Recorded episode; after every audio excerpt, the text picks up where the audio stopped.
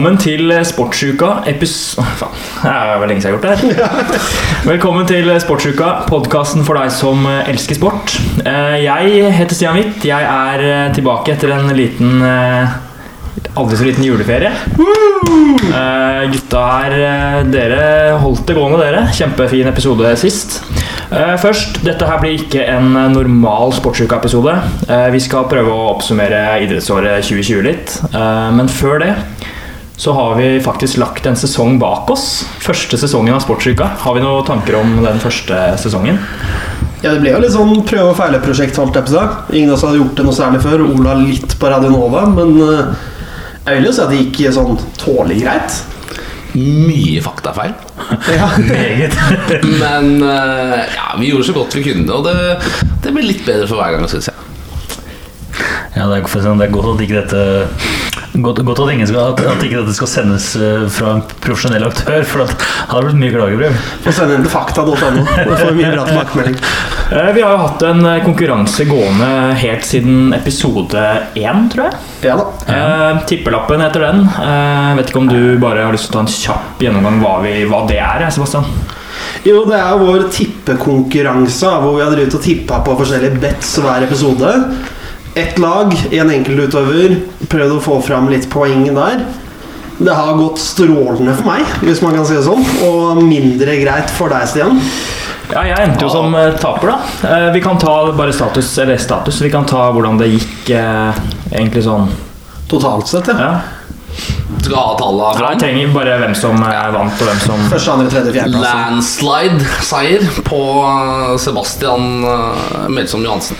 Eller Johansen Melsom. Melsom Johansen. ja. Og eh, så tok faktisk eh, Ola meg igjen på siste lappen. Andreplass der. Så heldigvis tredjeplass på Yours Truly. Og så på aller siste plass der har vi Stian Litt. Der har vi desidert sist. Stian Witt, desidert sist. Hvordan føles det? Nei, det føles tungt. Det gjør det. Og det skal straffes, dette her. Jeg skal straffes, og i forrige episode hvor jeg ikke var her, så ble jo dere egentlig enige om at uh, det var uh, svissen min som skulle, skulle gå, og det har jeg sagt lenge at det er uaktuelt. Det ble vi vel også enige om før episoden i chatten at det blir ikke det. Håret rører vi ikke. Håret rører vi ikke. Men der kan vel vi innrømme at vi diskuterte før forrige podd at vi skulle kødde med det. Og i podden, vi hadde bestemt oss selvfølgelig vi skal jo ikke ha noe klipp, for vi har ikke lyst til å risikere at noen av oss taper. Dro en liten skrøne der. Det, det må jeg lov. Ja, skrøner Det må jeg lov. Men vi må legge til én ting, bare så at alle kan være kjent med det. da For det var en som fikk litt sånn eh, kalde føtter utover her. Na- Navngitt Veksel Vekselsen. Når han fant ut at eh, faen, Stian kan du ta meg en. Da, da ryker håret mitt. Det, det var liksom ikke noe han hadde tenkt på før, før vi har spilt inn. Og da blir det tynt etterpå å si det var en spøk. Hvis Veksel har tapt. Ja, det hadde sett veldig dårlig ut. Så han- det var en som fikk litt kalde føtter, men så heldigvis for Mats, da, så røk det på gutten fra Sofiemyr. Men eh, det vi har blitt enige om som straff, da, det er at vi skal ta mobilen til Stian. Og kunne sende en valgfri melding til en person. da Så Stian legger jo mobilen pent midt på bordet her nå. Så vi har litt forskjellige forslag hver, da. Uh, skal jeg starte, eller Men dere det må jo være Er bare én det skal sendes til? Ene. Ja, så vi, må, vi kan komme med alle våre forslag, så må vi bli enige om hva vi går for. Vi endrer ikke straffa nå. Det Nei, du. Kan, kan legge til et par stykk, da. Den skal ut til én. Jeg skal også tenke flere på samme melding. Vi tar en. Ja, det var det jeg På min melding trenger vi bare én, så, så det, det går veldig, veldig fint. Okay, ok, Skal jeg, ja. skal jeg starte? Du har skrevet melding òg, ja? Jeg har skrevet, jeg har en skrevet Jeg har skrevet en melding. Jeg har Altså, jeg har en lang melding som er ute og går her. Det er det at jeg ønsker å få litt fart på en fotballkarriere til Stian.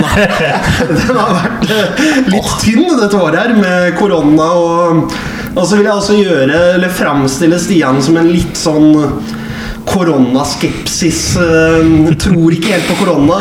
Ikke helt uh, Litt sånn Kari Jakkesson-vibe på dette her. Spennende.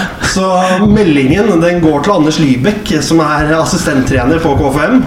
Han og Stian er jo godt bekjent, det skal legges til her. Så, men øh, jeg har prøvd å skrive den sånn at det også skal kunne være til en viss grad mulig at det er Stian som har klikka litt. da Så den starter så fint at øh, Hei, Libek. Godt nyttår. og Håper alt er bra med deg. Eh, Jeg tenkte jeg bare skulle kontakte deg ettersom Tobias har gått til Arendal nå. Han spiller da, for dem som ikke vet det, i samme posisjon som Stian, da. Jeg er jo ledig nå og klart å ta steget opp, så jeg tenkte jeg bare kunne spare deg for jobben med å skaute ny bekk. Så jeg kan egentlig bare steppe inn. Eh, trenger ikke så mye lønn, men nok til salt i grøten hadde vært fint. Hørte dere starte opp 18. januar, spørsmålstegn. Er det på Ekeberg jeg skal møte opp da, eller trener vi på Intility fra start? Eh, og er klokkeslett bestemt ennå, vet du det? Har ikke fått spilt så mye fotball pga. den såkalte pandemien. i. Men jeg har klart å holde følge formen oppe ved hjelp av noen hyppige Tinder-dates. Eh, Gleder meg til å bli en del av gjengen. Tore forteller at dere er en veldig fin spilletropp som jeg kommer til å passe godt inn i. Melder du fra til Stenberg og Daniel, så får vi på plass en kontrakt. Så det er mitt ja. forslag, da. Egner. Skal jeg få reagere Det på det? Er, Ja, det er jo kjempemessig, det der. Uh, kan jo også legge til at jeg ikke i meldinga at jeg er på utgående kontrakt, så jeg, Det er det jeg det er ikke noe sum inne i bildet heller. Det er derfor jeg skriver 'jeg er leder'.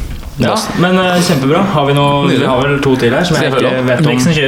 Altså Jeg tenkte jo at den her kan gå til vilkårlig. Hvem som helst. Hvem som helst. Legge fram egentlig Legge på et par Det er derfor du vil ha En fra A, en fra B. En sånn risemelding liksom, du bare kan sende til ræva jenter. Yes. SMS-kongen der. Kjør på. Um, jeg våknet Da sender du altså det her. Det her står det. Ja. Jeg våknet akkurat fra en powernap. Og hadde den rareste drømmen. Jeg befant meg på en øy hvor jeg lå på stranda mellom Petter Pilgaard og Vendela. Mens Arne Skeie serverte drinker. Og så var du der. Du oljemasserte låra mine mens du kalte meg din høyhet. Hva tror du det her betyr? Oh, er, Det er det komme kreativt. svar. Det er er, kreativt. den er vakker. Hæ? Ja, det er fint. Ola, ditt bidrag? Ja, min er jo litt ja, mer drøyeslaget. Det var å sende en eventuell melding til far om at han sitter, nå- mens han nå sitter, har sittet på toget, har fått en melding av eh, en tidligere Tinder-date. Og du gratulerer din kjære far med at han skal bli bestefar, men du har ikke lyst til å ta ansvar for barnet. Og, og du tenker litt sånn i den tanken at jeg er altfor ung til dette. Altså, herregud, det er- jeg har prøvd, sagt, at- jeg har prøvd å si at hun må ta abort, men hun vil ikke. Så hva tenker du? Jeg, jeg gir faen. Har du ungen? Er det det? Nei, men liksom bare sånn ja, Hva tenker du? Har du, har du, er du blir jo bestefar, så jeg må liksom spørre om, om du har lyst til å ha kontakt med ungen, for jeg kommer ikke til å gidde. Nei, Ja, det er også kreativt, men Litt oppbrukt. Men problemet er at han- jeg regner med at farsan kjenner sønnen sin. da At uh, Jeg vet ikke hvor sannsynlig Stian hadde jo ikke tatt den på en tekstmelding, tenker jeg da. Det er litt problemet med den. Men det må jo være litt sånn, det må jo være litt sånn stress, gjerne sånn skrivefeil, at, litt, at du er litt stressa. da. Ja. Jeg tviler på den. Det er jo som- eh, At eh, farsan kjøper den. altså Nei, jeg, jeg syns den blir litt for brukt opp. Nummer én, det der eh, send melding til foreldrene dine og si at du har blitt gravid. Den har vært i hver SMS-rulett-programmer som har gått gjennom historien. da Ja, for det tror du pappa Victor har sett mye på. Ja, I hvert fall fått med seg, vil jeg tippe. ja, det er som sagt opp til dere der. Jeg Ja, det syns uh, Kan vi ikke sende Hvis jeg kan mene noe som helst, så syns jeg jo de to Jeg er litt enig med Sebastian at eh, eller For deres del da, så tror jeg pappa kjenner meg godt nok til at Ja. For det første, jeg hadde ikke tatt det på melding. Og ja, jeg tror bare han ikke ja, reagerer på Det er. Men det er Men er det aktuelt å sende begge våre? Ja, Skal jeg by på det, da? Ja, det hadde vært helt rått. Jeg Jeg kan by på det. En til hver. eh, Du har jo Jeg er ferdigskrevet, den. Den, den neste kan du bare sende til Du kan bare rulle scrolle ned. Du kan gjøre det. Og så finne en. Og så kan du sende først. men du- eh, men hvis du skal ta din, kan sende først. Skal du ta din, så må du ta flere. For tenker jeg, da kan du ta sånn eh, Hvor mange, mange kontakter er det du har? Eh, Nesten ingen. Nei, ikke sant? Da, da tar du Slette alle. hver tredje. da Nei, men jeg må- Sender til fire stykker, liksom. Altså, jeg, jeg, byr, jeg byr på én melding fra hver. Altså, Kan by deg på. Du må ikke dra strikken lenger enn den tåler. hvor lenge er det vi har holdt på nå, sånn at vi ikke sitter med det her hele Nei, nå har vi holdt på i ni minutter, ja, så vi skal komme oss videre. Eh, hvis du bare sender meldingen din til Stian, så skal jeg få sendt av gårde. Men jeg likte, jeg likte den meldinga. Skal vi se, Fortsett du, Stian, så ordner jeg dette. Hva Ja. tenker du? Nei. Kommer du til å kjøpe det? Sende på melding eller på Facebook? Hvor holder du kontakt med Nei, da bør du gjøre det på Facebook, ja. Facebook. Men eh, Nei, jeg tenker ikke så mye Det er ikke noe sånn Jeg vet ikke. Men hva sier du da hvis du får melding fra Lybekk? Du bare Faen, jeg har vært på tanken sjøl. Nei, men eh, Nei, det får vi ta eventuelt, da. Men eh, Tenk om eh, Han bare eh, Tenk om han bare svarer eh, Den er Den er brun. Den er brun. Da ses vi 18. Jan. Ja, Han vet vel kanskje hva du tjener i, i eh, Follo, så han sier at ja, du får samme, konto, du får samme lønn, det er greit. Da er jo det null, da. Så det er jo Spenn, mener du? Nettopp. Nei da. Nei, det er eh, Jeg syns spennende. er fyrte av gårde. Jeg syns Ola er er fyrt av gårde. Ola er på en måte Ola prøver liksom alt han kan, men det er som Sebastian og Mats sier, at det blir liksom Det blir litt for oppbrukt og litt for sånn Jeg tror ikke det Nei, går den, hjem, altså, liksom. den, er, den er jo klassiker. Ja. Det er jo klisjé, så klisjé som det får blitt innenfor uh, Men jeg må si, jeg syns Det kan jeg si nå som dere er på vei til å sende melding, og dere kan ikke endre det nå, men jeg syns dere har vært litt skuffa, faktisk. For Er det det? Ja, for det er ikke Det der svir ikke kjempemye, noen av de greiene. Nei, for jeg tenker at Altså- den der til, I hvert fall den der, der til Lybekk, den Altså, Det verste som kan skje der, er at du får et, det verste som kan skje, at du får, du får spillekontrakt. Jeg får, er jeg får et par emojis tilbake, Nei, liksom. altså, men jeg tenker at det, det er ikke så Det svir ikke så mye de eh, tekstmeldingene ut, men jeg, jeg tror du kan få mest interessante svar tilbake. Da. Det er godt mulig. Ja, for Derfor tenkte jeg at veksten var gøy hvis du sender helt tilfeldige personer. Altså personer base, Det gøyeste har vært gjort på Facebook. av personer du aldri snakker med.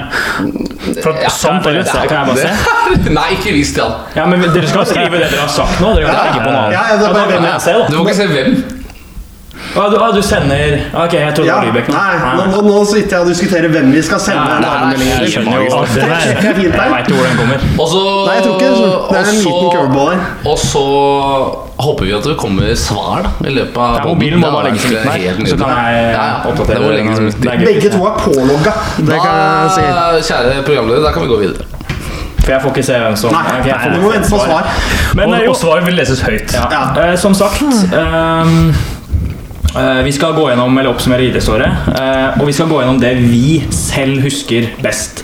Så vi kommer til å, det er masse vi ikke kommer til å nevne.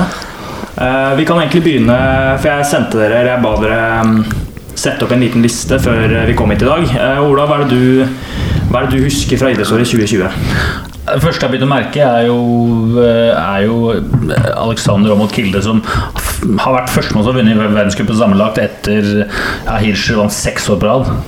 Og bare det seg sjøl å vinne verdenscupen i alpint syns jeg er så såpass høyt. Så det, jeg er alpininteressert, og det for meg har på en måte ja, var den kuleste prestasjonen. Det er en svær greie. da altså Man har på en måte hatt uh, Hva skal man si for noe Alpinens Messi, Maradona, Pelé, kall det hva du vil, i Hirscher. Som bare har vært totaldominerende i mange mange år nå. Og du har liksom hatt Christoffersen som har vært så sinnssykt god. da Men har alltid vært nummer to omtrent.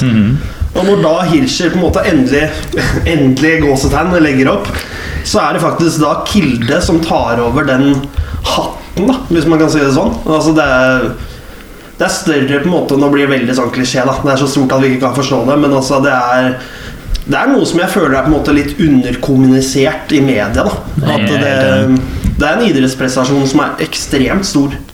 Og du kan jo se på en annen måte, sånn som ta, ta Svindal. Han sa at han satte jo vinne verdenscupen sammenlagt mye høyere enn å vinne VM-gull. Og snakker, De snakker jo bare konstant om VM-gull og sånne ting, men sagt, alpinistene setter verdenscupen høyere da, pga. at du er best under hele sesongen. Kristoffersen har også vært inne på det mange ganger. At han er regjerende verdensmester i storslalåm nå, blant annet. Og han er veldig på det at ja, jeg er verdensmester, men jeg er ikke verdens beste.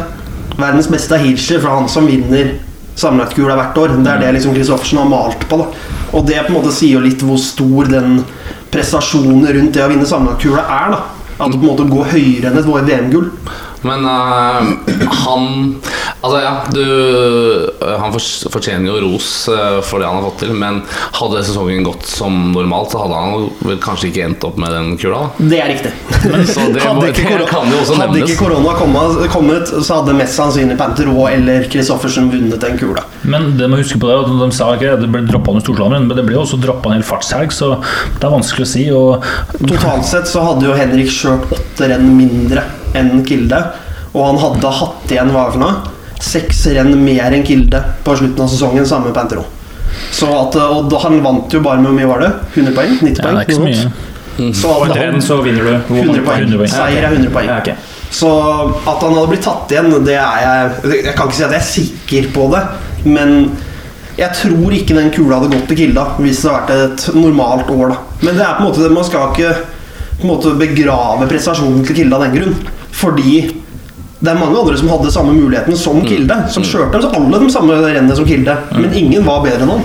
Så han er fortsatt best det, det året. Helt klart. Og hvis han følger opp med kula igjen Kan si Det, er, det, vil han jeg det vil jeg si er veldig, veldig enda mye større, da. Han leder ikke Paradise Dato, det er Pantero. Ja, Panther og toppnummer nå, kanskje. Ja. Ja, og før Panther leder han. Ja. Men øh, han har jo gjort det enda bedre i år, skal sies.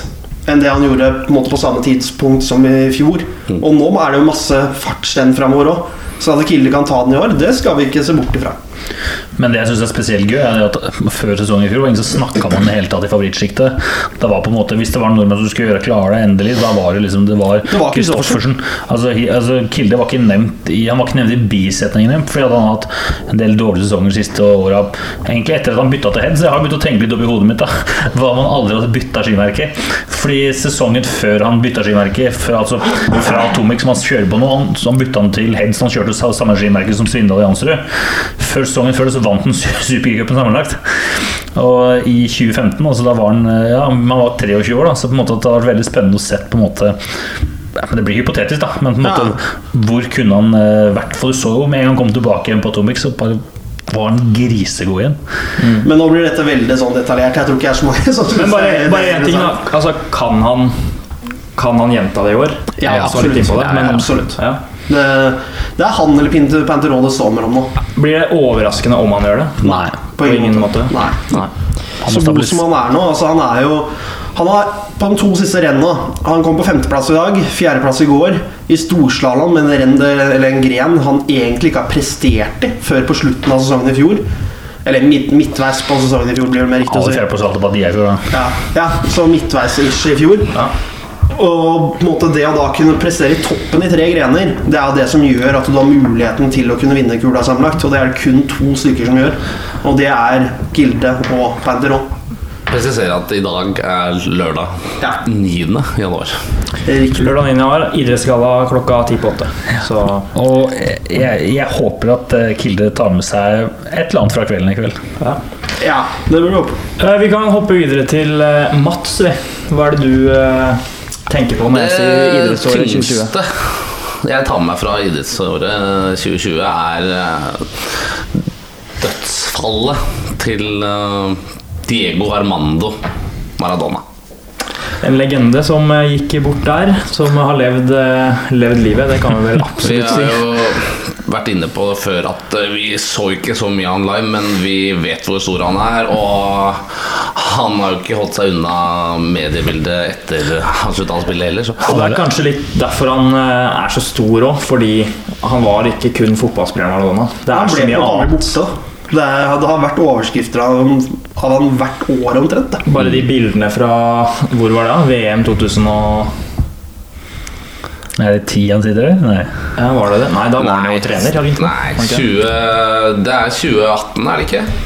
Hvor han, du tenker han Jo, står ja. på Når han er høy som og- et, eh, Står og nesten faller og- over den oh, ja, det- ja, ja, ja, tilskuerplassen der. Ja, gråter eh, når Messi skårer det vanvittige målet som jeg ikke husker Det er mye bra scener. Han har vel også stått på en av sånne Chile-Argentina-kamp og ropt i kamera 'dra til helvete' eller et eller annet på spansk. Og Altså, det var helt ukontrollert type. da. Det var vel bare et år siden hvor uh, han Hvor det ja, assistentene bare steller seg foran i sånn knestående så han, og skygger, så han kan ta seg et par sånne linere bak der.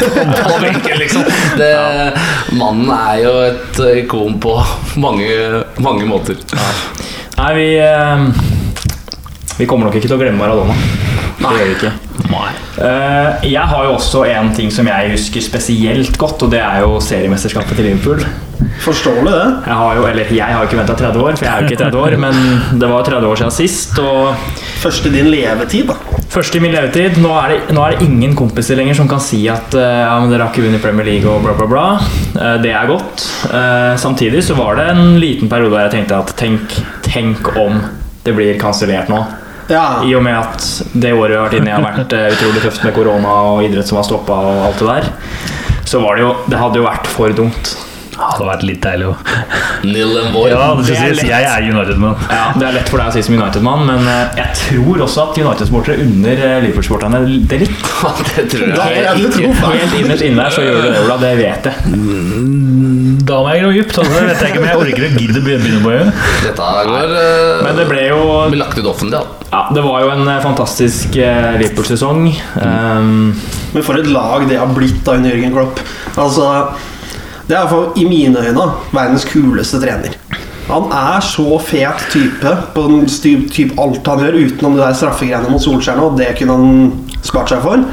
Men sånn som igjen nå er vi da som sagt på lørdag her. Kampen mot Asen Mia etter det, hvor han står der og bare skryter alle disse unggutta til Asen Villa. Det bare viser hvor fin type han er. da det, Det er ikke De spiller, de spiller i England. Det er Aston Villa. For Man uttaler faktisk L-ene på engelsk. ja, men det er liten. Nei, men eh, den kampen var jo um, Den ble spilt i går, og det var jo ja, Vi skal ikke gå altfor detaljert inn i den matchen, men det er jo kult å se liksom 17-åringer som eh, Jeg vil ikke si at de spiller jevnt med Liverpool, fordi det var spill mot ett mål. første omgang var de gode. De var ok i første gang. Ja, ok, ja, men til å være 17 Til å være 17 år, så er det bra, liksom. Et av verdens beste eh, fotballag, så syns jeg de var gode. Ja. Vi skal ikke prate om Nei, vi skal ikke snakke om det, men uh, jeg syns i hvert fall at det må i hvert fall nevnes at Liverpool uh... Jeg unner både fa- Farsan min er også Liverpool-fan, så jeg unner faktisk Liverpool Og så kan jeg bare si en ting angående Klopp. altså. I går, altså fredag, så ble det lansert et nytt øl på Vinmonopolet. Med Klopp på. Nei, for han har inngått avtale med Erdinger, er det heter. Ja. Så det har kommet et det eget. Klopp-øl på Vinmonopolet i Norge. Så det, Skamløst. det skal testes. Uh, ja, vi kan hoppe til Haaland. Det var vel en mann som Eller en gutt som alle hadde på lista. Uh, vi har jo faktisk fått en av verdens aller beste fotballspillere akkurat nå.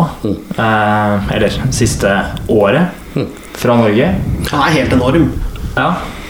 Ja, altså, man, jeg blir nesten ordløs når jeg begynner å tenke på det. sånn At hvis, du, hvis du ser på statistikker da, og så ser på liksom, de, de store store spillerne som har eh, levd Han er så langt foran på samme alder at det er på en måte sånn Vi, vi glemmer at han han er, er han ikke 2000-modell, han er 20 år. Ja.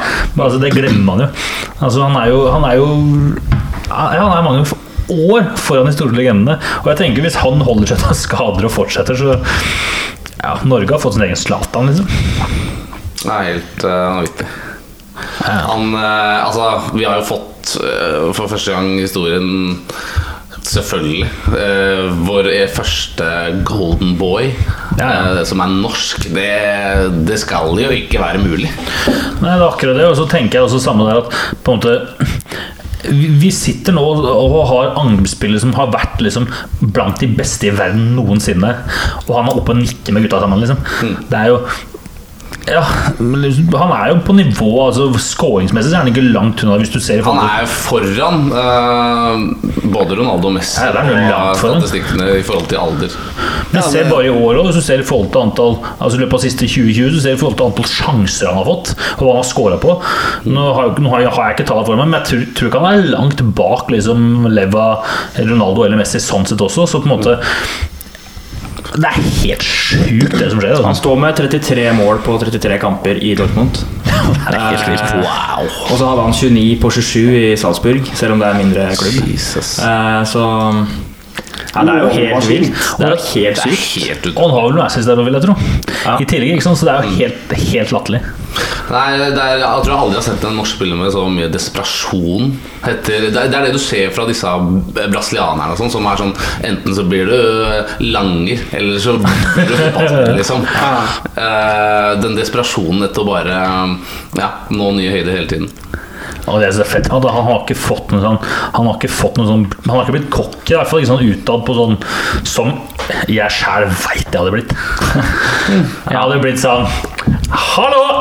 Han er ganske bra, da, men, men jeg tror det er litt sånn utad med, med vilje. Fordi eh, alle sier jo eh, Alle som kjenner ham, i hvert fall, sier at han er utrolig jordnær, faktisk.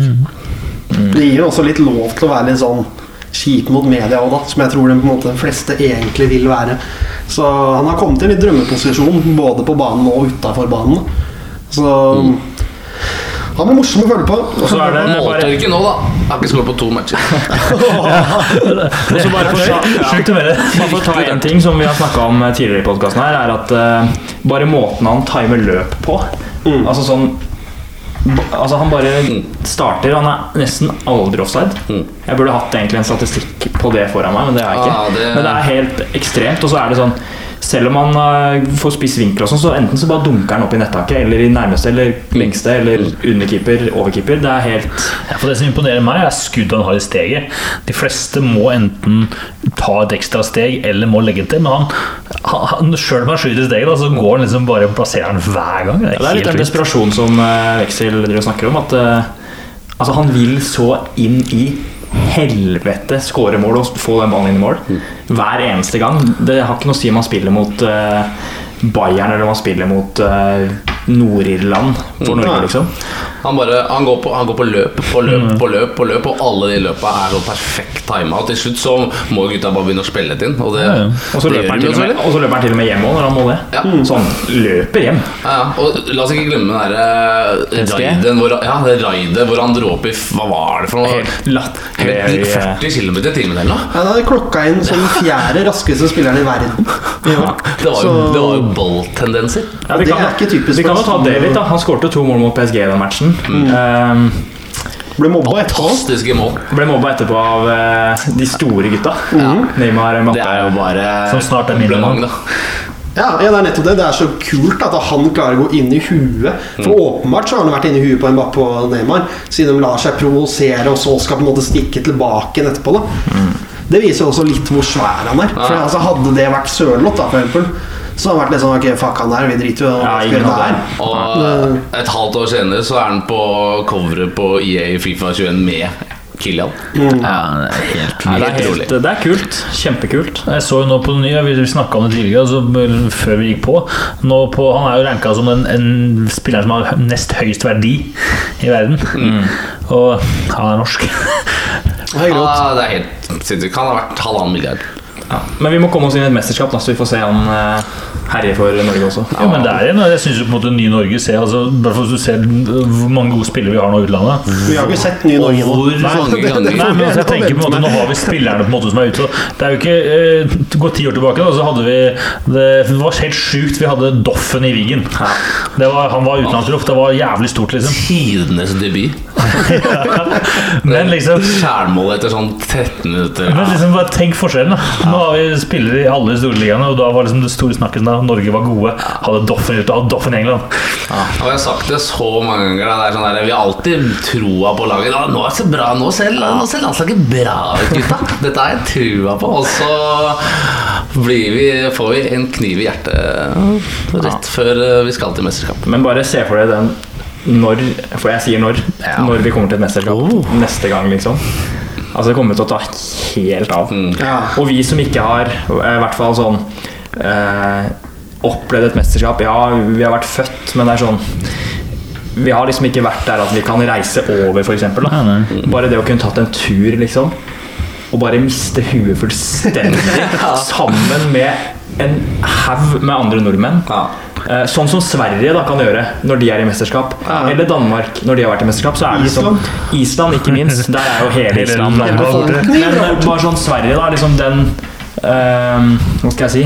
Uh, ja, Den følelsen de må ha Ja. når du sitter på en pub nede i Frankrike. da Så sitter det liksom 5000 svensker der og synger. Men jeg, jeg tror ikke det er like sjukt som når Norge kommer. Fordi Sverige er i hvert mesterskap omtrent.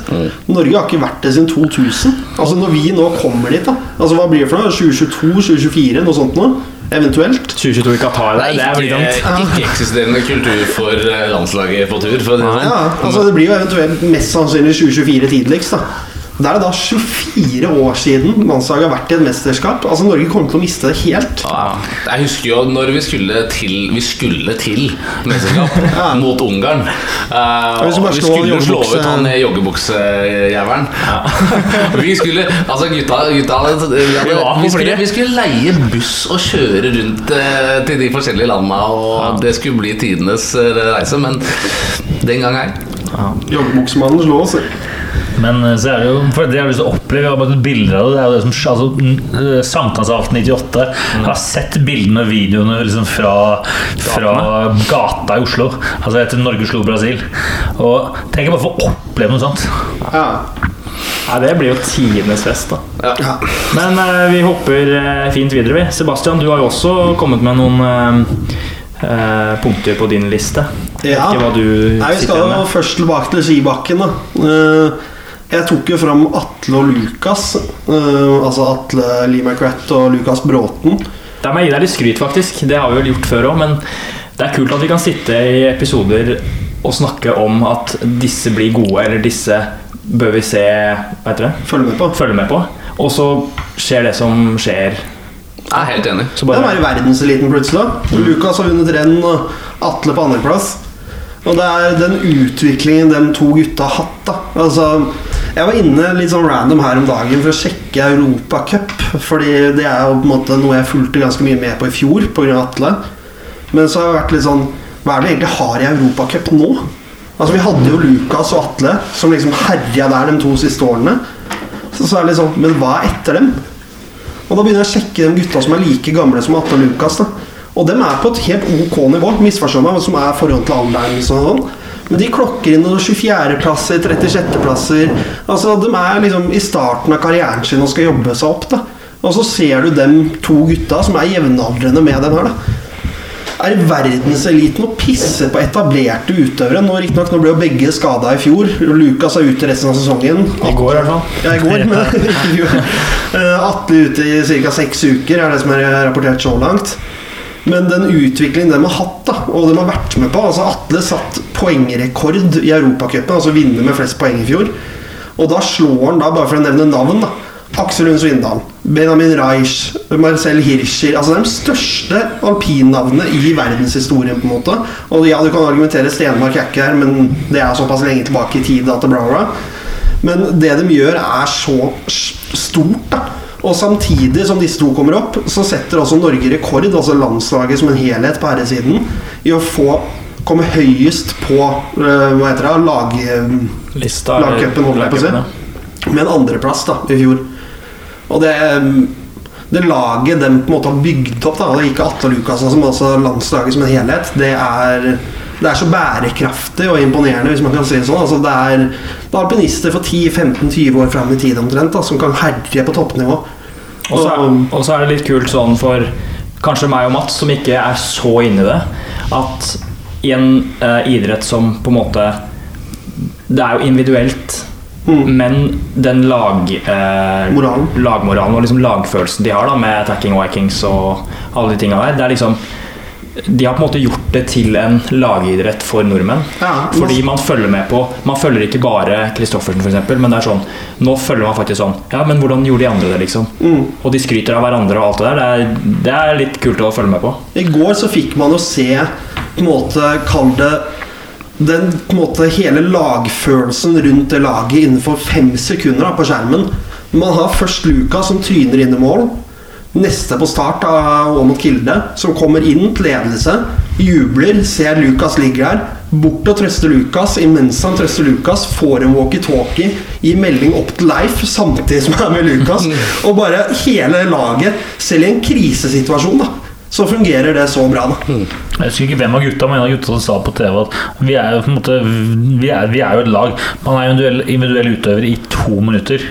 Resten av døgnet så er du et lag. Ja, for det er det, som, laget så det Sebastian nevner, er. da. Kanskje ikke alle som vet det, som ikke følger med, som ellers følger med så mye. At ja, de rapporterer jo opp liksom eh, Pass på der, eller der kan du liksom pushe litt mer, det var lettere enn det vi trodde. De tinga der er sånn Det er litt rart. Ja, litt sånn, hvis du tenker på det, er sånn Det er jo egentlig en individuell idrett.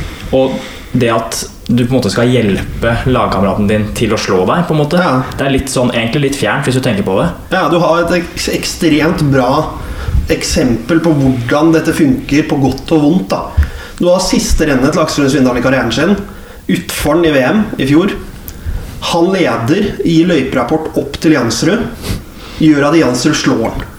Så han avslutter karrieren sin med sølv istedenfor et gull. Altså Nå nå er det ikke sånn at Jansrud ikke hadde vunnet hvis han ikke fikk den, men mest sannsynlig så hjalp det til med å slå Aksel. OL før gjør motsatt. Så de hjelper hverandre hele tiden, og de gir bort på en måte kall det et OL-gull. Fordi lagkompisen skal få best mulig må, måte utgangspunkt for å gjøre det bra selv. For de vet at på et annet tidspunkt så får det tilbake.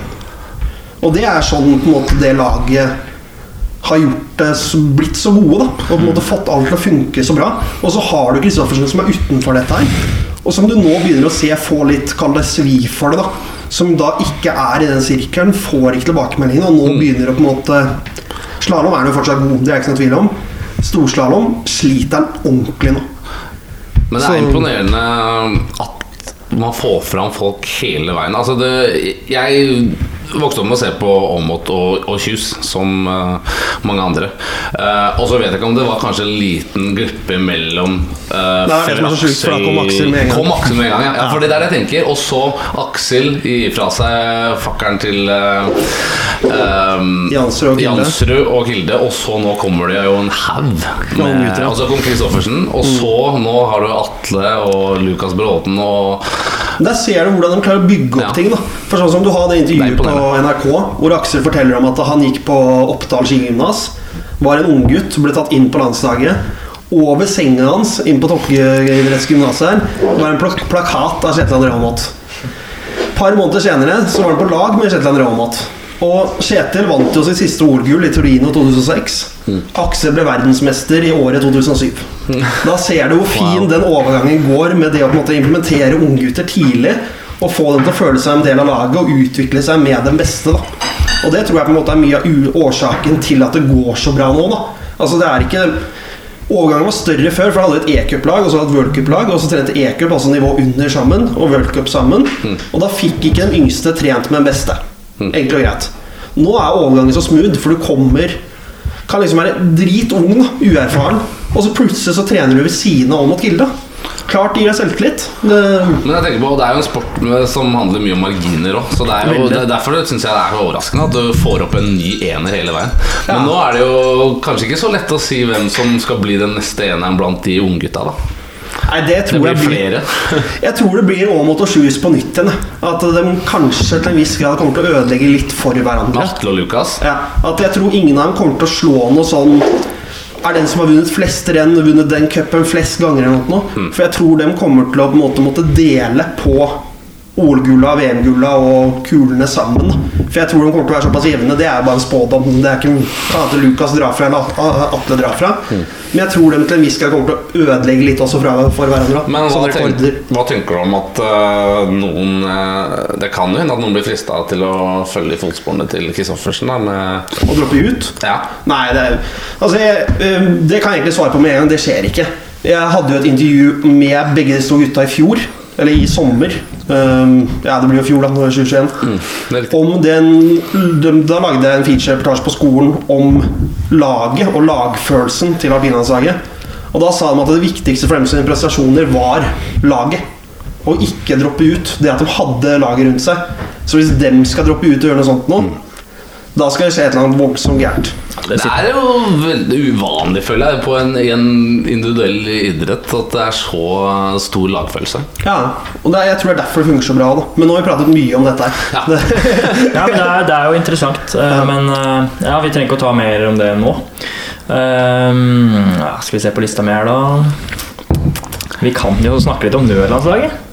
Da tenker jeg på fotball-nødlandslaget, ikke nødlandslaget i håndball, som eh, nå har vært eh, i bresjen. Men eh, nødlandslaget, hva var det, Ola? Det var eh, det, det var Det var fantastisk. Ja, det var, det? det akkurat det. Det, var, det var noe som aldri burde skjedd, men som ble så fantastisk allikevel. Nei, Det var jo det at eh, Norge skulle eh, Er Østerrike, var det ikke det? Jeg var vel først Ja, skulle egentlig spille mot Israel Ja. først, men det ble off, og så Så det, når de skulle møte Østerrike, så fikk jo ikke Norge dra pga. de hadde de satt i karantene. Så da samla de opp. Ringte dem litt rundt omkring da, for å høre hvem som kunne stille til kamp. For det var faktisk det som skjedde. Altså, Da sitter Det var todagersvarsel, var det Ja, ikke altså ringer rundt og tenker Sitter sikkert med en liste. Ok, Vi må finne ut de spillerne som på en måte er nest best. Sikkert en sånn bruttotropp som Lagerbäck hadde. Det er ikke bare nest best, de er de tredje best, for de nest beste satt, best. satt på benken. Riktig. Og så er det bare å ringe rundt. Du, har du, er du liksom gira på å få en landskamp, kanskje? Eh, Men måtte du få ja. tre, måtte få tak i en trener òg. Og det var jo snakk om at man liksom skulle hente inn noen altså, som ikke var i landslagssystemet allerede. Men det ble jo Smerud, da, U21-treneren.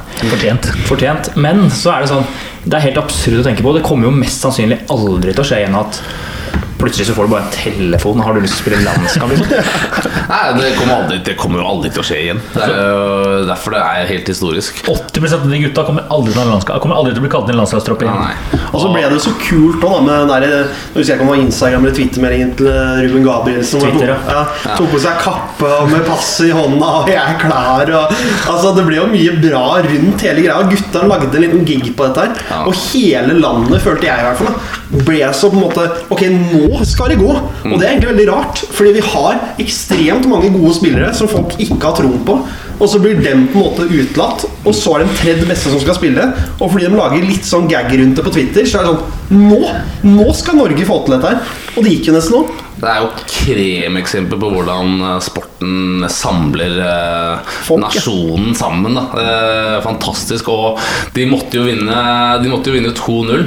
Eh, jeg skal ta litt selvskryt at jeg husker jeg meldte Zaid Han, han tar på seg tieren og skårer. Det- Det gjorde han. Og de kunne, de kunne fått en til på slutten òg. Altså, det var jo, men det var jo rått å se på at den var helt ferdig. Det var ingenting igjen, og den, bare, prøvde å angripe, men det var, det var, det var tomt. Ja, det var nydelig å intervjuet med Mats Møller Dæhlie etterpå, hvor han sto og grein der. Og det, ja, det var en ordentlig sånn fin norsk opplevelse i år.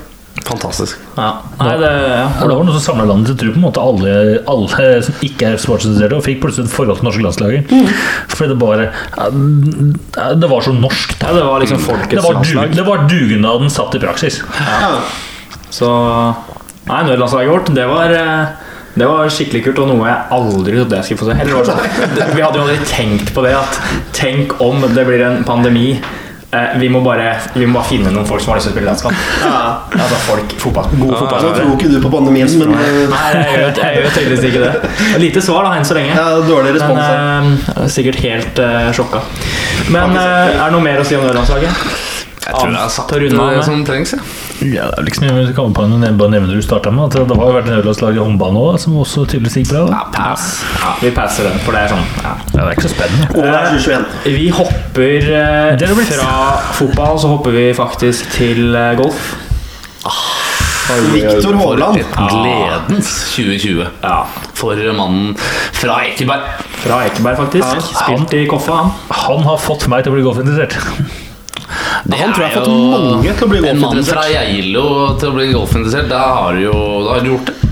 Men jeg føler at Viktor Hovland er litt på vei til å bli golfens Thor Hushovd. I den form at sykkel var en ganske sånn lite interessant idrett for nordmenn flest. Altså, ja, det fantes folk som satt og så på Tour de France og sånn, men før Hushovd så var det ikke den store interessen rundt det. Har det da gått, da?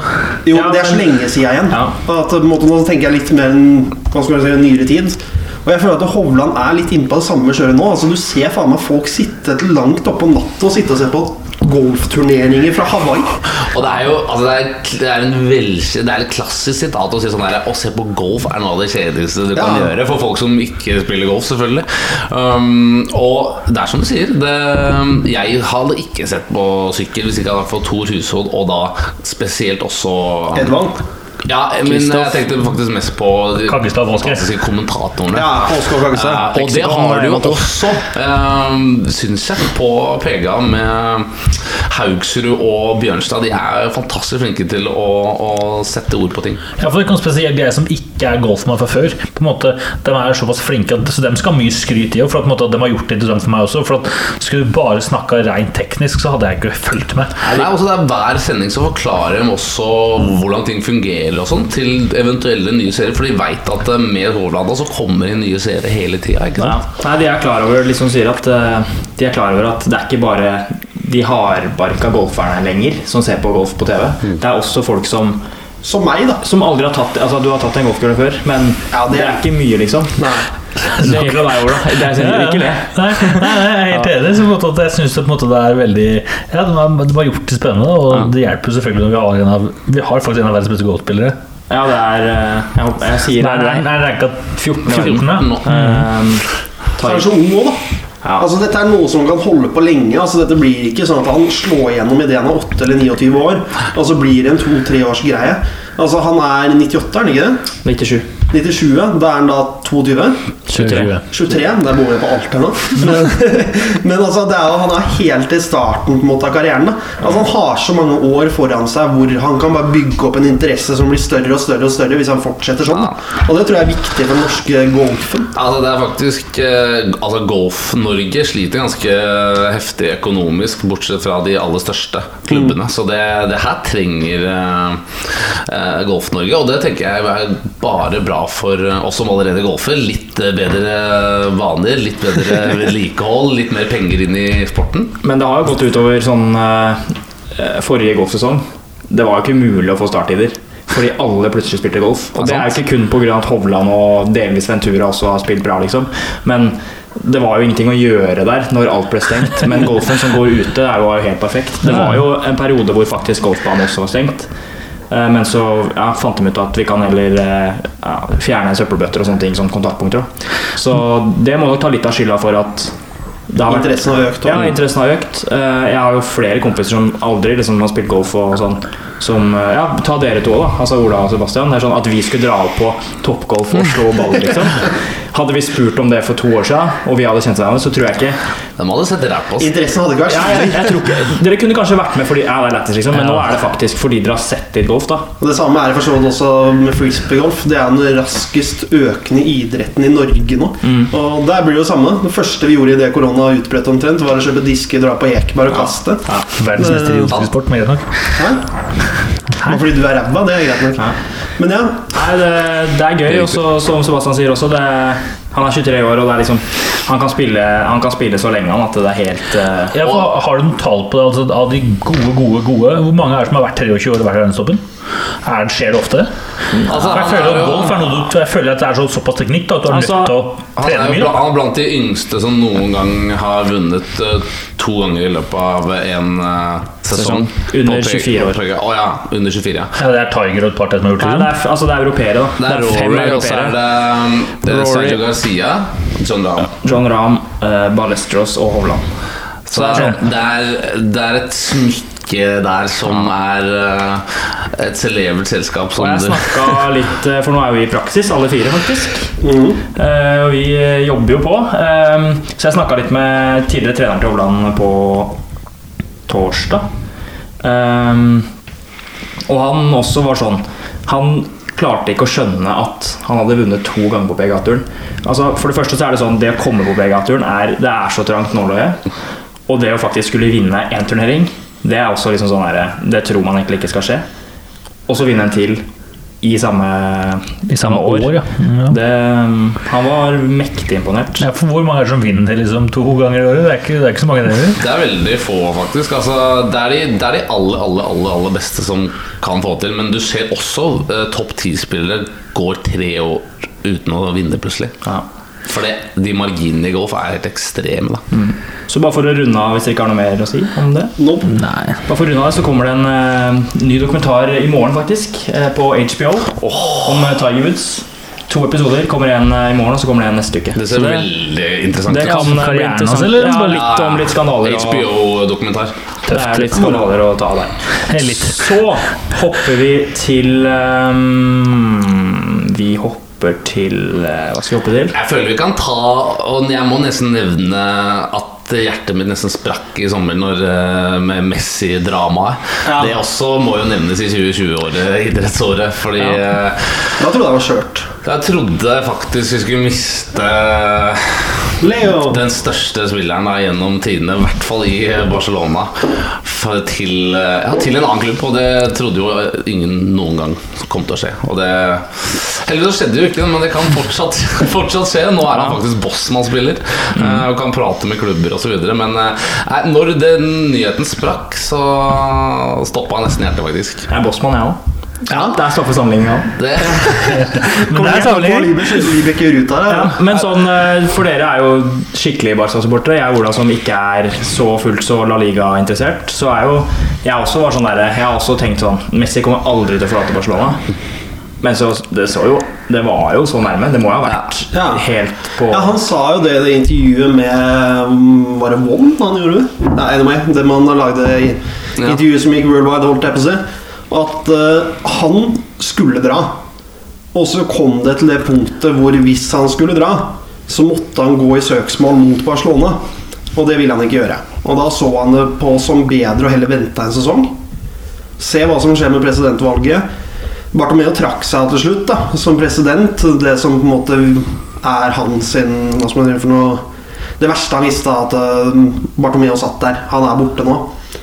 Så tror jeg det kommer til å være veldig avgjørende hva som skjer 24. i presidentvalget i Barcelona. 24. januar. Januar. um, jeg tror dessverre at han drar. Mm. Altså det at eh, Det er mange som melder det at eh, hvis Laporta blir, så skal han skal ha Messi også Nei, Laporta vinner, så skal Messi bli. Hvis Font vinner, så skal han bli. Bla, bla. Jeg tror ikke det går så veldig mye på det lenger. Jeg tror han bare har lyst til å gjøre noe annet. Jeg tror han er lei lagkameratene. Det siste han sa etter forrige sesong, var det at dette er et lag uten vinnere. Det er ingen som er vinnerskaller. Og du kan ikke bytte ut hele laget for å få ham fornøyd. Men nå har det kanskje dukket opp et par uh, vinnere, men det kan vi ta en annen gang. Men eh, Laporte eh, for øvrig har jo lovt uh, Erling Breit Haaland til uh, FC Barcelona hvis han blir valgt. Som selvfølgelig bare er Fikk jo et fint svar av, av, av Var det Orla som kom ut med det? Ja, Det det helt sjukt, da. Han gjorde jo det i sin tid når han skulle bli president sist, og da lovte han jo David Beckham. Leverte jo ikke da heller, men han, men han leverte på Han leverte på andre måter. Da. Han, Altså Han fikk jo ikke Beckham, og da Ronaldinho han har vært president. Ja, Laporta Ja, ja, er presidenten vært når Ronaldinho kom inn, og Ja. Guardiola og hele den gjengen her. Riktig, så han er jo, da er han jo godt likt. Altså, jo Ja, Det eneste som på en måte er minus hva skal man si, for skolest ved å få inn Laporta, er at uh, Pep Guardiola hater han. Okay. De har en kjempelig Ja, ja. Da så tilbake. da kommer han aldri tilbake. Han har sagt at hvis Laporta helt tatt er snakk om at det skulle være tilknyttet Barcelona, så kommer han aldri til å ha noe med klubben å gjøre. Men eh, jeg husker jo jeg, altså, jeg, Når den nyheten om Messi kom i sommer, så tror jeg Twitter eksploderte med noe som sånn derre det var nå 60 000 tweets eller noe i løpet av sånn veldig veldig kort tid. Til sammenligning, når Ronaldo gikk til uh, Juventus, så var det sånn 5000 tweets eller noe. Så det sier ganske mye, det òg. Ja. Det hadde jo vært kjempegøy for oss som Det er det, det tenker sikkert dere også som supportere at Å se han det hadde vært gøy å sette han et annet sted. Klart det. For det er jo, han kommer jo til å herje dit han drar òg. Men jeg vil ikke se han Jeg vil egentlig ikke se han i less allerede Nei, nå. og du- jeg vil ikke se han i hvor gammel han? PSG Hvis han reiser nå, så reiser han jo dessverre da til City. Jeg tror jeg sa at Nei, han men drar- Da reiser til Sverige. altså, hvis det er så- sted han skal dra, så vil jeg at han skal dra til Premier League. Og det hadde jo vært Da endelig kan vi eh, Kan City dra Stoke i ligacupen, så han kan dra på Britannia og ta livet av den eh, da, bare for å få svare, svare det Ola sa der, da. Det, han hadde et intervju nå for et par uker siden hvor han snakket om framtiden. er bekrefta at han drar ikke i januarvinduet, men han får se hva som skjer til sommeren. Og det som frister han, er MLS. Det er grunnen til at Mats drar dette opp. Så det har han sagt med egne ord, at han er veldig fristet om å dra til MLS. Det er noe han har lyst til i mange år. Og jeg tror da han sikter seg inn mot David Beckham sitt inn til Miami, er det som på en måte er ryktet, da.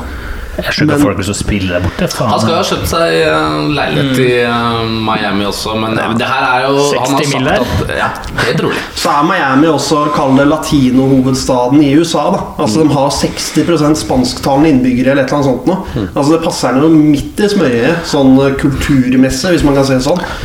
Men, Men eh, eh, det her skjer jo ikke før 2023. Det sa Nei. jeg også, så Så vi det, blir- det blir i så fall etter. det blir nok, hvis han drar, så blir det nok eh, Så der får vi faktisk svar. Anders Libek låser opp mobilen din, så får vi lese det Deilig, altså. på Ja, det er jo bare det, er jo bare det da. Men uh, Hva står det? Ja, du kan jo svare, du. Det er skrive det. korteste meldinga i stor Dette er vilt. Sitt med B-lisensoppgaven min. Eh, skal se hva jeg får til her etter søndag. Å, ja! Men det er Blir det kontrakt vi skal ikke svare noe nå. Skal jeg, Men- jeg skal svare deg. Men- Ja, nei, du, du, får ikke lov til å si at det er tull. Nei, ok. Men med andre ord, han kjøpte det. Ja? Det gjorde han ikke. Nei, Jeg kjenner Vibeke. ja. Men, eh, ja, men da har vi fått svar, i hvert fall. Det er kult. Da mangler vi bare siste svar her. Ja. Lukter det Koffa-kontrakt. Deilig. Gratulerer. Men, med eh. Hvor var vi? Vi er på neste punkt. Vi er ferdig med Messi nå. Vi har egentlig bare ett punkt igjen. For Vi sa egentlig at vi skulle ha lytterspørsmål midtveis. Men vi tar bare siste punktet, og så tar vi lytterspørsmål, og så tar vi 21 spørsmål. Og så runder vi etter det. Ja. Olsbu Røiseland. Nei, vi har to igjen, da. Vi har Olsbu Røiseland, og vi har Bodø-Glimt igjen. Olsbu Røiseland Hun er jo kåret til årets kvinnelige utøver i verden. eh, og som skiskytter. Hun vant syv av syv VM-gull, var det ikke det ble? Nei, hun tok syv medaljer. fem, medaljer. fem Fem VM-gull og to er riktig. Det er, hun har helt ekstremt hår. Vanvittig. så hvis ikke hun vinner Årets kvinne utover på idrettsgallaen i dag, da tror jeg den komiteen kommer til å bli eh, slakta. det, ja, det er jo et spinnvilt uh, knippe kandidater, da. Ja. Jeg tenkte jeg skulle finne det her nå, så vi kan, eh, vi kan bare snakke litt om det. Um, Idrettsgallaen Jeg kom ikke på noen jeg, som, som, som, som jeg tenker at, som, som jeg tenker at sånn, er, er en da, utenom Røisland. Jeg kommer ikke på noen som jeg tenker at som er sånn superfavoritt. Årets lag er Bodø-Glimt. Jo, jeg, og jeg tror vi snakka om damene. jeg. Altså, Ja, og, og, Ja, og kvinnelig utøver. sånn, ja. Jeg trodde du mente med alle Ja, prisene. damene, den er jo grei, men det er jo, det er jo uh, Nei, men jeg satt og tenk- Jeg satt og tenkte litt sånn, Konkurrenter til Ole Øystein er vel egentlig det Ola prøver å si her. ja, så jeg satt og tenkte litt sånn for meg sjøl. Så nei, jo, jeg, men det er kjedelig. Ja, ja, men i den så er det jo klart uh, best. Altså fem gullmedaljer. Det er jo ferdig, så er ferdig snakka. skiskyting er jo så mye større enn langrenn. Ja, ja, helt Ja, men det er mye mer show, da. Vi har eh, Jeg kan jo ta det kjapt. Uh, Røiseland er nominert. Maren Lundby er nominert. Kaspersen Falle er nominert. Mowinckel er nominert. Så skada, da. På Tøysberg er nominert. Therese Johaug er nominert. Karoline Graham Hansen er nominert. Tiril Eckhoff og Ada Hegerberg er nominert. To, skada, to, spill, to stykker som har vært skada et helt år. Det er imponerende. Det er imponerende. Ja, den, den er jo ferdig. Nei, det her kan ha vært feil. Det her kan ikke Det var 2019, det. Ja. Ja, du har søkt, han søkte søkte 2020. Jeg søkte Da er det for 2019. Det gir jo mening. Men øhm, ja, soleklar favoritt burde vinne. Altså, hun har hatt mest sannsynlig karrierens beste år. Altså, hun har nok pika nå. Det skal mye til å gjøre det bedre enn det der. Ja, og så starta sesongen tidlig, så må få droppa masseren tidlig for å satse mot eh, VM. For, ja, så hadde hun, satsa, hadde hun kjørt alle rennene, så tror jeg også hun hadde vunnet verdenscupen. For hun gjorde det veldig bra i det rennet hun gikk, men hun gikk jo veldig mange færre renn enn de andre. Ja. Altså, det er vel bare å gratulere hun med tidenes år, og hoppe videre til Bodø-Glimt, som også har hatt tidenes år. Ja, det er tidenes år. Ja.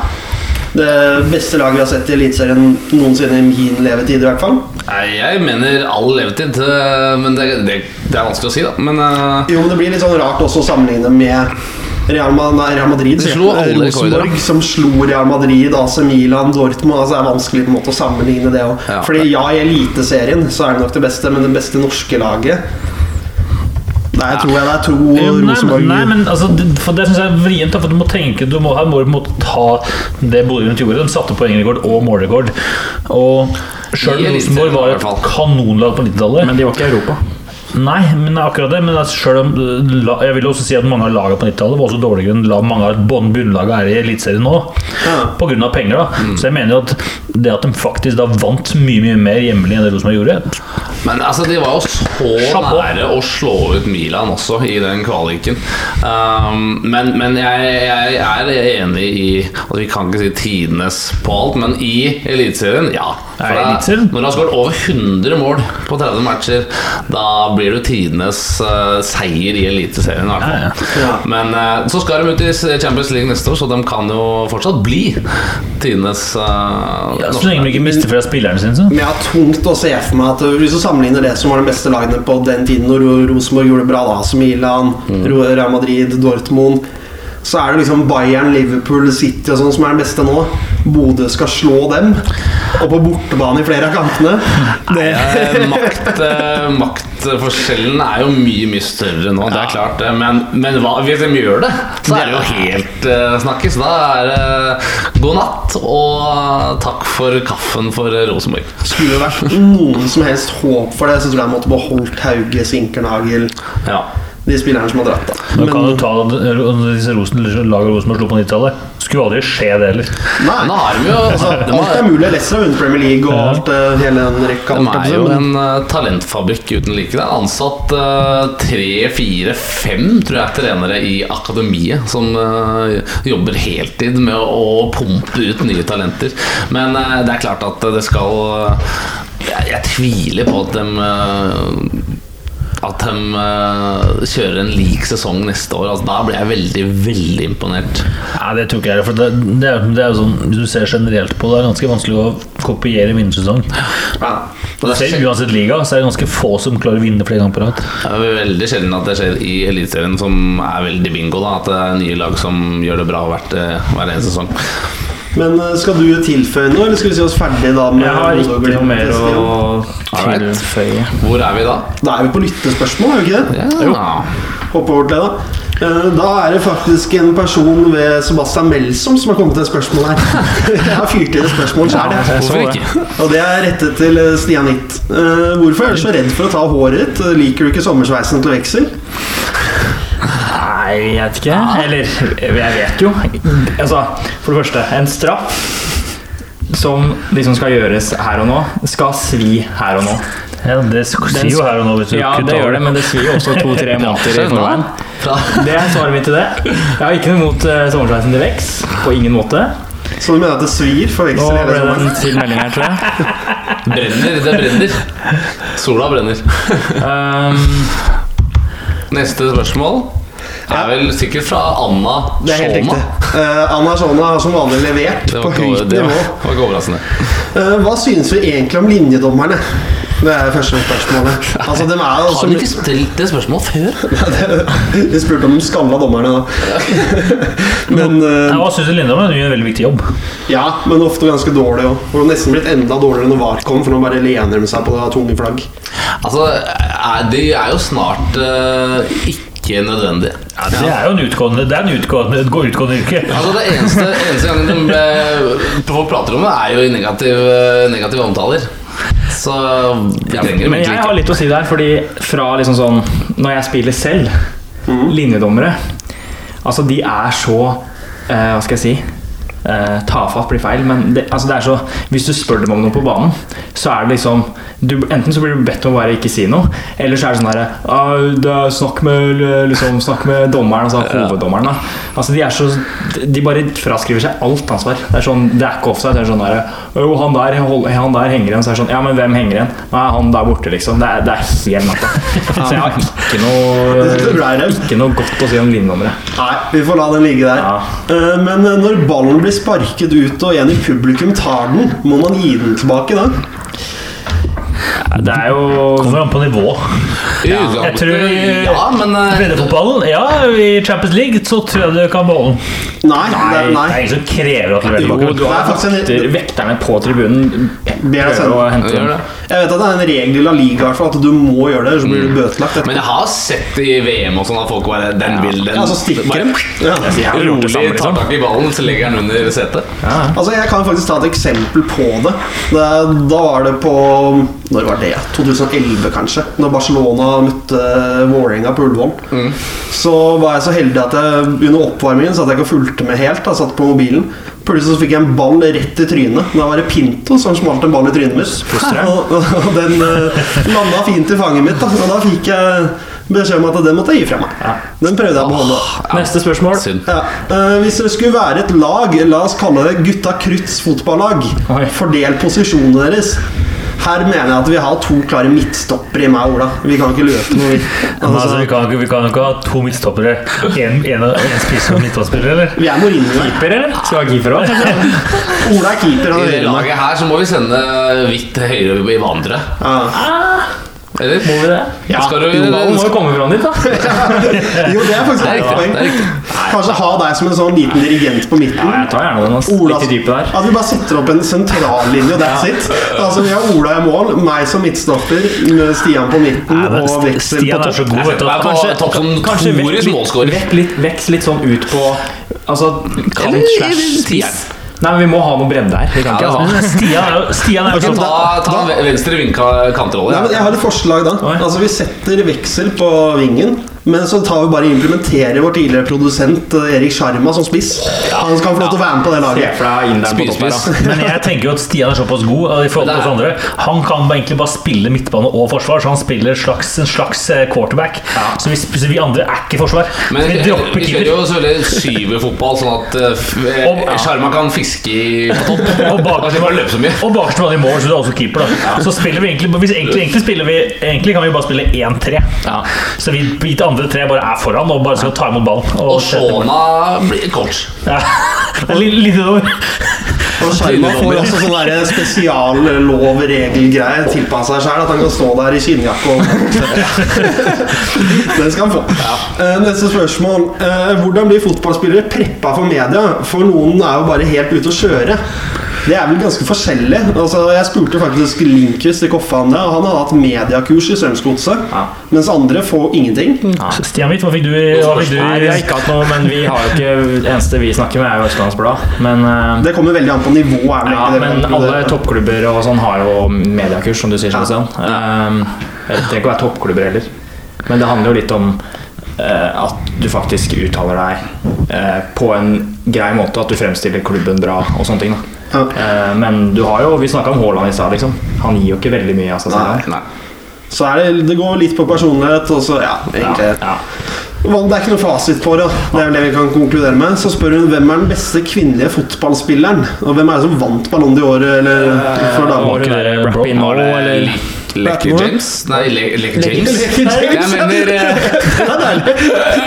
Ikke Lekker James, men åh, hva er den? Nei. Mertens. Jeg trodde det var en der Rapinoe. jeg. Det var Rappy No. Eller sånn. Bronze gjorde det bra, jeg vet, Ja, jeg ikke hvor det var, eh, det var Rapinoe. Jeg tror det var Stemmer det? Myggen, Eh, er det ikke det det heter? Jo. Sølvhåret. Ja. Rosa på bildet. Hun er sheriff. Men eh, nei, vi har jo altså, Jeg ser ikke veldig mye på det, men vi har jo, Jo, det er to norske som er relativt gode. Hegerberg og Graham Graham Hansen. Ja. Um, Som eh, er snøfast i eh, Madrid nå, leste jeg. Ja. Det, er snø, det er snøkaos i Madrid. og hun slakter alle andre som Ja. Har, Jeg som nordmann. Jeg som nordmann har langet ut mot det spanske fotballforbundet på Twitter nå. Ganske interessant. Jeg inn og les. ja. Men vi kan hoppe videre her, som er faktisk et spørsmål jeg syns er veldig godt, som jeg skulle ønske selv nå. Når gutta krangler på banen, hvorfor er de ikke mikka opp, vil høre hva de sier? Og tenk deg så interessant hvis dommeren hadde vært mikka opp. Jeg skjønner de ikke kan spillerne mikke opp Mm. Men hvis du har fått dommeren inn på det intercom-systemet de allerede har til å prate med hverandre, mm. og den lyden hadde gått ut på TV-en Ja. Det Ja, hadde det de har noe lignende i hockey, har de ikke det? Jo, At dommeren er mikka opp? Ja, de hadde jo blitt og da hører du, da, da hører du altså, Der er det jo skamløs prat òg. Ja. De, godtar ganske mye hockey. Da. Der, der blir jo de kalt rasshøl over en lang Ja. sko. Så da kan jeg det er eh, faktisk veldig kult. Da kan jeg anbefale en dokumentar på uefa.com. med- Det er vel seks episoder. Jeg vet ikke om jeg har sagt det før. Sian Stian Hvitt med andre anbefaling for kvelden. Hva skjer? Der er det en Nytt år, nye der muligheter. er, det, nå, der er det seks episoder, tror jeg, med seks forskjellige Uefa-dommere. Hvor de er mikka opp i bl.a. Barcelona eh, Var det Barcelona-Liverpool? Nei, det var en Barcelona-kamp i Champions League, i hvert fall. Sammen med juvekamper og sånn. Hvor, du- ja, hvor du har mikken på den intercomen, og du er med i garderoben i pausen og sånn. Eh, og Der er det ganske mye kule klipp, eh, spesielt ett med Messi der. Messi skal byttes ut. eh, bruker selvfølgelig lang tid, som alle gjør når man leder og skal ut av banen. Hvor han De spiller med sånn respect på armen i Champions League. Sånn Byttes ut i Champions League, det det, det, det kan jeg ikke huske Skal gang. Ja, han skal iallfall ha banen. Ja. Og da liksom ja, Jeg skal ikke si mer, men Nei. gå inn og se det. Ja. For der får du faktisk se dialogen. da Nå ble jeg nysgjerrig. Ja, Det var sånn. Det sånn, det var sånn ti minutter. Helt uh, fint for meg, i hvert fall. Ehm, skal vi se uh, Hun spør om hvem er den dårligste fotballspilleren. I verden? Ja, Så sier hun. Dropp han du tenker på, Seb. Han som aldri spiller. Men jeg vet ikke helt hvem jeg tenker på sjæl helt ærlig. Så Men da, da kan vi hun heller mener vel egentlig kan ikke vi en som ikke spiller. Kan vi ikke gjøre om spørsmålet til hvem mener vi selv er på en måte overvurdert? Altså sånn Hvem er dårligste som spiller mye? på Ja, eller hvem får mest ufortjent skryt, på en måte? Ja. Vi, vi fikk jo spørsmålet undervurdert sist, så da, da har vi overvurdert. nå. Da må man jo tenke, da. Uh, Eh, men jeg tenker Landslaget tenker jeg med en gang klippekort uh, Johansen. men er det i verden? Verden syns jeg den blir for dumt, på en måte. Eh, hva jeg tenker da? Jeg går rett på United, jeg, vet du. Jeg Hvem er det som får mye skryt der, da? Der er det bare gode spillere. Altså. Eh, Åh, Jeg har lyst til å smelle til navn, jeg skal ikke gjøre det, fordi jeg har ikke sett nok eh, Barcelona. Hvem da? Oi. Jo, Piqué. Hæ? Nei, det er sykt påstått. Eh, Men det skal sies, for å underbygge det du sier, ja. at eh, etter Piquet ble skada, så hadde Barcelona den beste forsvarsstatistikken dette året. ja, det overrasker meg ikke. Med han derre Miranges i, som stopper. Mingesa. Riktig. Nei, jeg tror det er vanskelig. For vi Det var jo en mann i Liverpool. Lovren syns jeg alltid var veldig overvurdert. Jo, men han var alle overvurdert. Alle mobba Lovren. Altså, han var, det var ikke sånn at Og Lovren er god. Han sletta Instagramen Instagram. hva, jeg har en. Ja.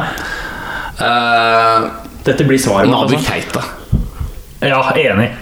Han var så For han ble jo bare Men der eh, Men hvor mye har ikke han vært skada?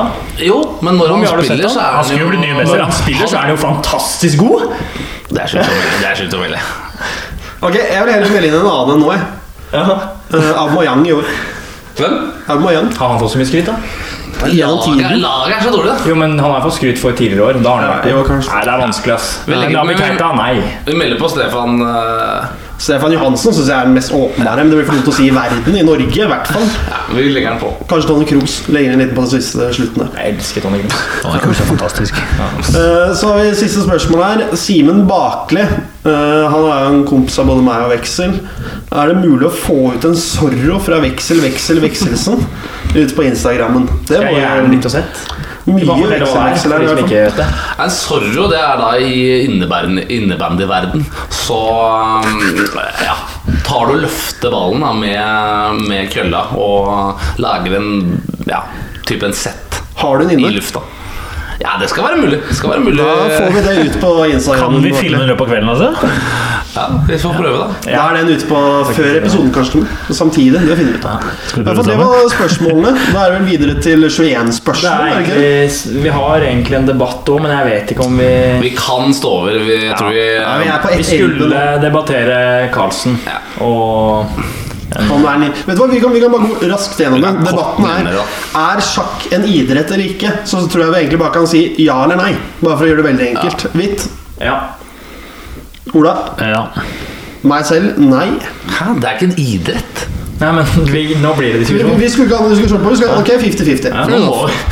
Skal vi, skal vi bare la den ligge der, liksom? Det går ikke. Jo, men Da kan vi ta opp den senere en gang. Så Nei, da må vi ta opp den senere. Ja. Ligger den og ulmer. Um, yes, 21 spørsmål. Er det ikke Uthusekspressen som har den i dag? Ja, Utes i dag. Oh. Skal jeg bare starte rett på siden jeg sitter til venstre? Kjør på. Uh, er det en dame? Uh, Nei. Er det vinteridrett? Nei. Eh, er det en eh, norsk person? Ja. Holder den til på vannet? Nei. Løperen? Nei. Er han aktiv? Nei. Eller er personen aktiv? Han er i live, men han Altså, er han en gutt?